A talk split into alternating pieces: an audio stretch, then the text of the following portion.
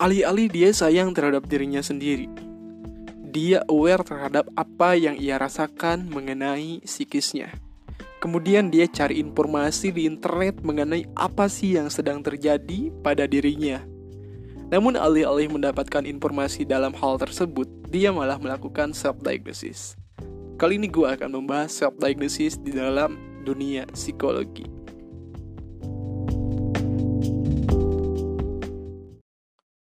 Ada gak sih dari lu yang terlibat percakapan kayak gini? Bro, kayaknya gue bipolar deh. Lah, kok lu nganggap kayak gitu cuy?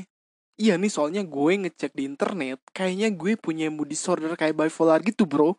Soalnya pas gue lihat informasi di internet itu, gue ngerasa kalau gue itu seperti itu banget cuy. Mungkin lu pernah terlibat dalam percakapan seperti itu. Atau lu pernah ngedenger at least sekali lah ketika temen lu mungkin pernah mendiagnosis diri sendiri atas penyakit fisik ataupun gangguan mental yang mereka punya. Nah masalahnya sekarang sih emang cukup marak orang yang mengira bahwa mereka punya gangguan mental. Tapi ya udah, jatuhnya mereka mendiagnosis diri mereka sendiri cuman karena mereka mencari informasi di internet di suatu sisi gue yang notabene adalah akademisi atau mahasiswa di bidang psikologi ngerasa seneng gitu karena semakin banyaknya orang yang sadar akan kesehatan mental mereka yang notabene ya pendidikan itu dan juga pengetahuan tentang hal itu tidak mereka pelajari di sekolah mereka. Namun di sisi lain ya sebenarnya gue juga sedih ketika banyak dari mereka yang melakukan labeling bahwa mereka punya gangguan mental dengan hanya sekedar mencari-cari informasi di internet tanpa mendatangi psikolog ataupun psikiater. Dan yang kita tahu bahwa sumber-sumber di internet itu banyak sekali sumber yang abal-abal. Dan akhirnya apa yang mereka lakukan tidak lebih hanya sekedar cocok logi.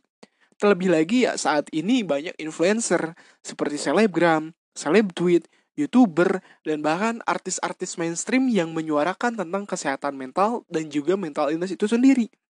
Nah, sayangnya karena hal ini juga muncullah masalah baru yang datang di dalam kehidupan banyak orang. Seperti yang kita bicarakan di awal yaitu masalah baru tersebut adalah self-diagnosis atau mendiagnosis diri sendiri. Nah makanya di podcast gue kali ini gue bakalan ngebahas tentang self-diagnosis dan mengupas tuntas dari A sampai Z sampai Z tentang self-diagnosis itu sendiri dan bagaimana cara kita menyikapinya. Nah, jadi self-diagnosis itu apa sih? Nah, yang terjadi ketika self-diagnosis adalah ketika seseorang mendiagnosis diri mereka sendiri bahwa mereka itu punya gangguan psikologi. Tapi, tapi, dan tapi tanpa bantuan profesional. Atau bahkan hanya sekedar dengan fakta-fakta yang terdapat dalam internet yang sumbernya belum tentu kredibel gitu loh cuy. Maksud gue secara sederhananya kayak gitu. Dan tak jarang juga kalau self diagnosis ini terjadi dengan mencocokkan gejala yang mereka rasakan sambil mencari-cari informasi tersebut di internet. Lalu setelah itu mereka dengan cepat mengambil kesimpulan, oh ya gue depresi gitu. Padahal mereka belum pernah sama sekali berkonsultasi langsung dengan tenaga profesional seperti psikolog ataupun psikiater. Ya bahasa kerennya cocok logi gitu loh cuy. Nah, kali ini hal ini sebenarnya bukan menjadi masalah baru, namun kehadiran internet yang informasinya mudah diakses di mana saja, jadi hal itu semakin banyak muncul gitu loh cuy. Ada salah satu nih psikolog dari luar sana yang bernama Rajani Sumago mengatakan bahwa internet itu seharusnya bukan dijadikan alat untuk melakukan self diagnosis, tapi sebenarnya sebagai alat untuk menambah pengertian mengenai penyakit atau gangguan itu sendiri. Jadi hasil akhirnya itu bukan diagnosis diri sendiri, tapi yaitu untuk ditanyakan lebih lanjut ke dokter ataupun psikolog gitu. Jadi ya, tujuannya untuk menambah pengetahuan gitu ya, bukan mendiagnosis diri sendiri. Dan karena gue tahu bahwa informasi di internet itu banyak sekali informasi yang tidak bisa dipercaya sepenuhnya, dan bahkan juga yang malah informasinya ngawur, kali ini ya gue akan memberikan tips bagaimana lu bisa mendapatkan informasi terhadap kesehatan mental dan gangguan mental atau mental illness di internet. Yang pertama, kalau lu masih awam, gue saranin lu harus mencarinya di Google Scholar. Bukan mesin pencari Google yang umum, dan lu tinggal tulis aja di Google Chrome misalnya. Tulis Google Scholar. Dan setelah muncul lu tinggal cari apa yang lu mau. Cari misalnya tentang bipolar ataupun apa pun yang lu ingin cari mengenai hal-hal terkait psikologis. Dan saat lu menggunakan Google Scholar, gue saranin kalau lu pakai keyword pakai bahasa Inggris.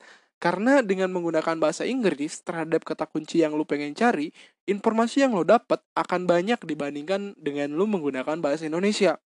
Nah yang kedua, pastikan yang lu baca itu adalah jurnal ilmiah yang ditulis oleh orang psikologi. Biasanya di bagian covernya itu tertulis siapa yang membuat jurnal dan dari mana asalnya. Misalnya uh, Jordan dari University of Leipzig, Jerman. Dan pastikan jurnal tersebut adalah jurnal yang kredibel. Nah biasanya ada kode tertentu tuh di pojok kanan atas. Hal itu mengindikasikan bahwa jurnal yang lu dapat adalah jurnal yang dapat dipercaya dan lu bisa akses informasinya di sana.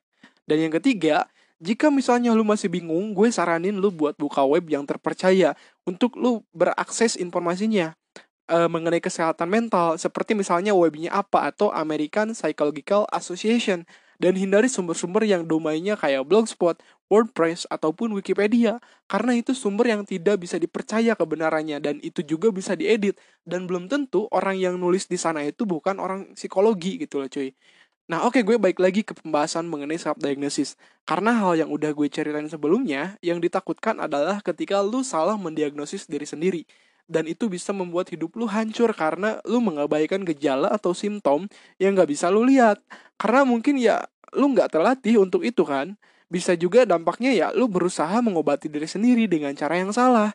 Dan yang paling utama sih, yang paling krusial, dampaknya adalah dampaknya lu nge-labeling diri lu sendiri. Jadi ya lu nge-label kayaknya ah gue negatif kayaknya gue bla bla bla yang akhirnya bisa ngaruh ke produktivitas hidup lo.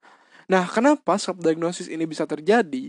Selain yang udah gue bahas tadi self diagnosis ini juga bisa muncul karena keterbatasan biaya waktu dan akses terhadap pelayanan kesehatan kayak gitu dan juga ketidaktahuan pasien terhadap tenaga medis profesional. Ya belum lagi jumlah tenaga profesional di Indonesia itu masih kurang, yaitu sekitar 600 sampai 800 psikiater dan juga 1700 psikolog klinis di Indonesia ya. Dan mayoritas itu hanya tersebar di Pulau Jawa, terutama di kota-kota besar seperti Jakarta, Bandung dan juga Yogyakarta. Jadi ya kalau lu ngerasa pelayanannya masih kurang, ya emang masih kurang banget gitu loh apalagi dibandingin dengan negara maju nih kayak misalnya Amerika Serikat gitu Amerika tuh udah punya 25 ribu psikiater dan juga 170 ribu lebih psikolog klinis. Dan survei itu dilakukan uh, tahun 2017 doang. Dan ini disubsidi oleh langsung oleh pemerintah.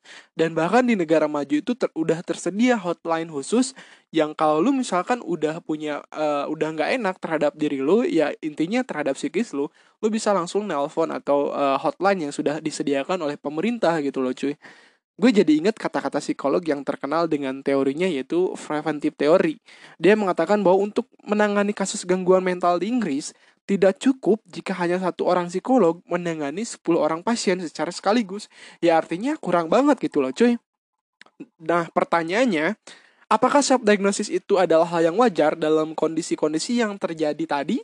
Dan sampai sejauh mana sih self diagnosis ini boleh dilakukan. Nah gue bakal ngasih informasi nih tentang panduan atau guidelines buat biar lo nggak terkena dampak negatif dari self diagnosis. Nah apa aja tuh? Yang pertama adalah evaluasi informasi yang lo dapat dari internet seperti yang kita ketahui bahwa nggak semua informasi yang kita peroleh di internet itu bisa kita ambil dan kita cerna 100% mentah-mentah tanpa adanya evaluasi, bener nggak? Bahkan informasi dari gue pun harusnya lu kritisi, apalagi tentang berbagai hal yang berbau psikologis serta gejala-gejalanya. Karena ya seperti yang kita apa nih kita tahu bahwa gangguan psikologi itu kan sangat kompleks jadi gak bisa lu simplikasi dengan hanya lu ngeliat di internet doang. Untuk awal-awal lu bisa coba identifikasi situs-situs yang tidak kredibel atau situs yang lu pertanyakan kebenarannya. Karena nggak jarang informasi-informasi tersebut mengandung informasi yang misleading dan lu harus coba membandingin dengan informasi yang lu dapet dari situs yang kredibel.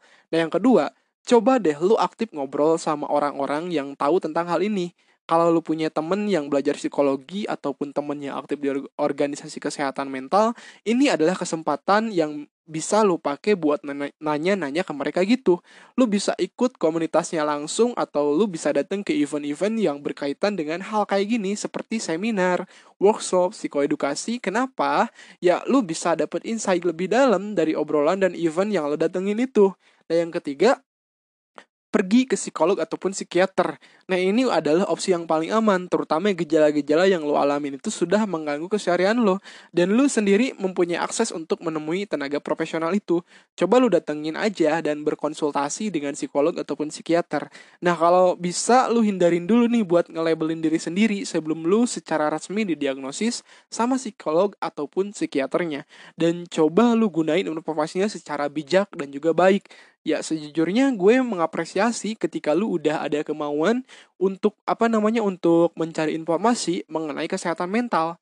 Ya supaya pengetahuan lu luas juga kan. Nah bukan berarti karena gue nggak mau self diagnosis gue nggak mau nyari nyari informasi tentang hal itu. Justru nggak apa-apa jika itu hanya sebatas menambah pengetahuan lu tadi. Justru di sinilah lu berusaha sayang sama diri lu sendiri karena lu peduli dengan apa yang terjadi pada diri lu yang negatif adalah ketika lu udah labeling wah kayaknya gue depresi wah kayaknya gue anxiety wah kayaknya gue schizophren padahal cuman profesional yang bisa melabelinya nah lu bukan profesional kan? Gue sendiri percaya bahwa manajemen diri sangat perlu dilakukan bagi masyarakat negara berkembang gitu. Ya kita tahu kan infrastruktur dan SDM-nya sangat terbatas gitu terhadap suatu hal seperti yang gue bilang sebelumnya, kita ini cuma punya ribuan psikolog dan juga psikiater yang hanya tersebar di kota-kota besar. Lu bayangin deh, misalnya uh, ya 269,6 juta jiwa penduduk Indonesia, ya kita ambil 10 persennya aja butuh ke psikolog dan juga psikiater. Ya gak mungkin bisa karena kita cuma punya SDM sedikit. Apalagi kita belum tahu kan kalau psikolog itu bagus atau enggaknya secara kualitas dan belum lagi aksesnya yang terbatas. Artinya lu harus mencintai diri lu sendiri dengan melakukan manajemen diri tapi hindari labeling. Jadi alih-alih lu pergi ke psikolog uh, atau ke psikiater pas kena gangguan lebih baik ya lu dari sekarang pas lu lagi sehat supaya lu nanti siap menghadapi banyak tantangan di hidup lo supaya lu bisa jadi keren dan juga mencapai mimpi lo gitu. Bukan cuma mengobati diri aja tapi lu harus sadar pentingnya pencegahan dan juga promosi dan terakhir gue mau mengatakan definisi orang yang sehat mental menurut World Federation for Mental Health. Jadi orang yang sehat mental ini adalah uh, kondisi yang optimal dari aspek intelektual dan aspek emosional yang cukup mantap dan juga stabil sehingga perilakunya tidak mudah goncang oleh situasi lingkungan. Artinya mampu stabil, bebas dan tidak ada gangguan kejiwaan yang mengganggu lingkungan. Ya mungkin ini adalah uh, pesan terakhir bagi uh, lo semua dari gua uh, lu boleh mencari informasi karena itu adalah bagian dari lu melakukan self care terhadap diri lu sendiri tapi jatuhnya adalah lu jangan labeling sebelum lu datang ke profesionalnya gitu loh cuy. Dan uh, ya terakhir gue uh, mungkin segini yang dapat gue sampaikan mengenai self diagnosis. Mudah-mudahan di lain kesempatan gue bisa bahas ini lebih lebih rinci lagi gitu. Intinya lu stop labeling deh. Lu boleh nyari informasi tapi lu jangan labeling ke diri sendiri. Gitu aja di pesan dari gue.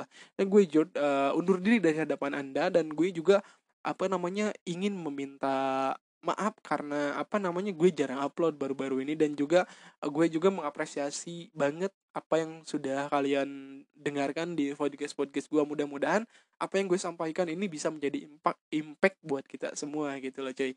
Oke gue undur diri. Assalamualaikum warahmatullahi wabarakatuh